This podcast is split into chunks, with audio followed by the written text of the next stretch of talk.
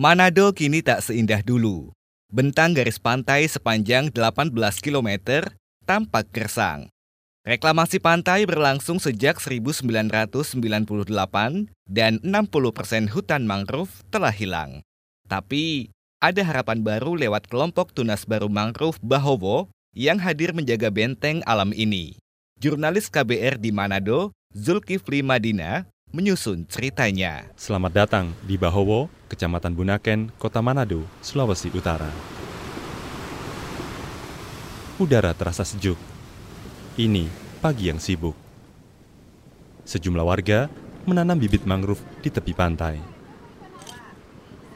Novanti Loho adalah ketua kelompok mangrove Tunas Baru Bahowo. Ini adalah kelompok dampingan LSM Manengkel Solidaritas. Mereka telah mempertahankan 18 hektar lahan mangrove di Tongkaina dari total 80-an hektar di sana. Karena melihat bahwa ternyata mangrove yang ada sangat berguna dalam kehidupan masyarakat yang ada, khususnya kami yang ada di masyarakat sini sebagai nelayan dan tempat tinggal kami dekat dengan pesisir pantai. Sejak 2011, Novanti dan 25 warga lainnya aktif melestarikan alam di pesisir pantai. Mangrove akan menghalangi ombak besar yang datang juga ikut membantu Ini, nelayan. Nelayan merasakan hasil-hasil penangkapan yang dari dulu mungkin kurang, sekarang so banyak tuh ikan-ikan. Kalau dulu masih setengah mati mencari di tanpa jauh, sekarang so dekat dong dah dapat tuh ikan. LSM Manengkel Solidaritas memberi pemahaman bagi warga pesisir untuk ikut melestarikan dan menjaga mangrove. Ketua Umum Manengkel Solidaritas Sulut, Sela Runtulalu. Hutan mangrove adalah satu ekosistem pohon yang menyerap karbon terbesar bahkan lebih besar daripada pohon-pohon lainnya. Jika Manado atau Sulawesi Utara kekurangan hutan mangrove, ini kurang baik, bahkan sangat tidak baik bagi manusia.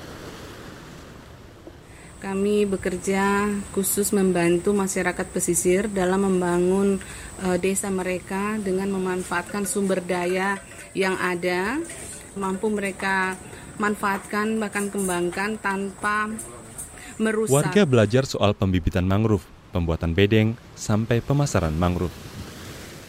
Pendidikan anak-anak juga terus ditingkatkan supaya kelak mereka tak tergoda untuk merusak ekosistem mangrove. Beberapa uh, pelatihan kepada masyarakat di sana. Yang pertama pelatihan pembibitan mangrove, kemudian pelatihan uh, ekowisata kepada masyarakat, uh, pelatihan homestay, pelatihan tour guide, dan lain-lain. Lambat laun, perekonomian masyarakat pun ikut terdongkrak. Novanti Loho sudah ikut upaya pelestarian mangrove ini sejak tahun 2011. Bibit mangrove ini dijual dan hasilnya menguntungkan desa juga warga. Meningkatkan perekonomian kami anggota kelompok dengan adanya penghasilan penjualan pembibitan dan aturan penjualan pembibitan kami 10% masuk ke kas, 80% dibagi ke masing-masing. Upaya pelestarian mangrove ini dibantu juga oleh PT Tirta Investama Aqua Air Madidi. Sesuai komitmen, perusahaan ini yang memiliki panduan Water Conservation Master Plan atau Sustainability Report 2011-2012. Manager stakeholder Immanuel Adung menjelaskan. Mangrove Bahowo telah diidentifikasi sebagai hutan mangrove terakhir yang ada di pesisir kota Manado. Sejauh ini mangrove telah tergeser dengan kepentingan pembangunan yang ada. Keberadaan Bahowo juga menjadi benteng yang menjaga Bunaken dari sampah Manado. Ada 15 keluarga yang dibantu lewat program pelestarian mangrove ini.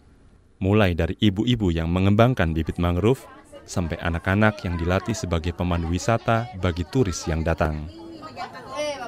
Lahan mangrove di sini adalah bagian dari kawasan Taman Nasional Bunaken seluas 283 hektar. Kepala Balai Taman Nasional Bunaken, Variana Prabandasari menjelaskan, edukasi soal pentingnya mangrove perlu terus digalakkan.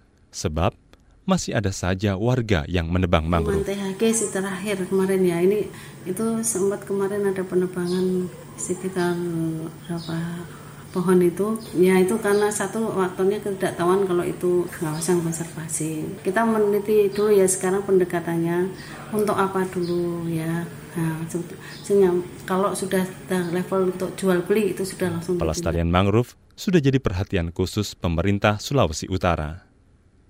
Kepala Dinas Lingkungan Hidup Marli Gumalak menjelaskan, daerahnya punya misi besar Sulawesi Utara sebagai destinasi investasi dan pariwisata yang berwawasan lingkungan. Karenanya, dinas mulai menggandeng kelompok lokal pelestari mangrove seperti di Bahowo ini. Dana dari APBD pun siap dikucurkan untuk mendukung kegiatan di sana. Melakukan edukasi.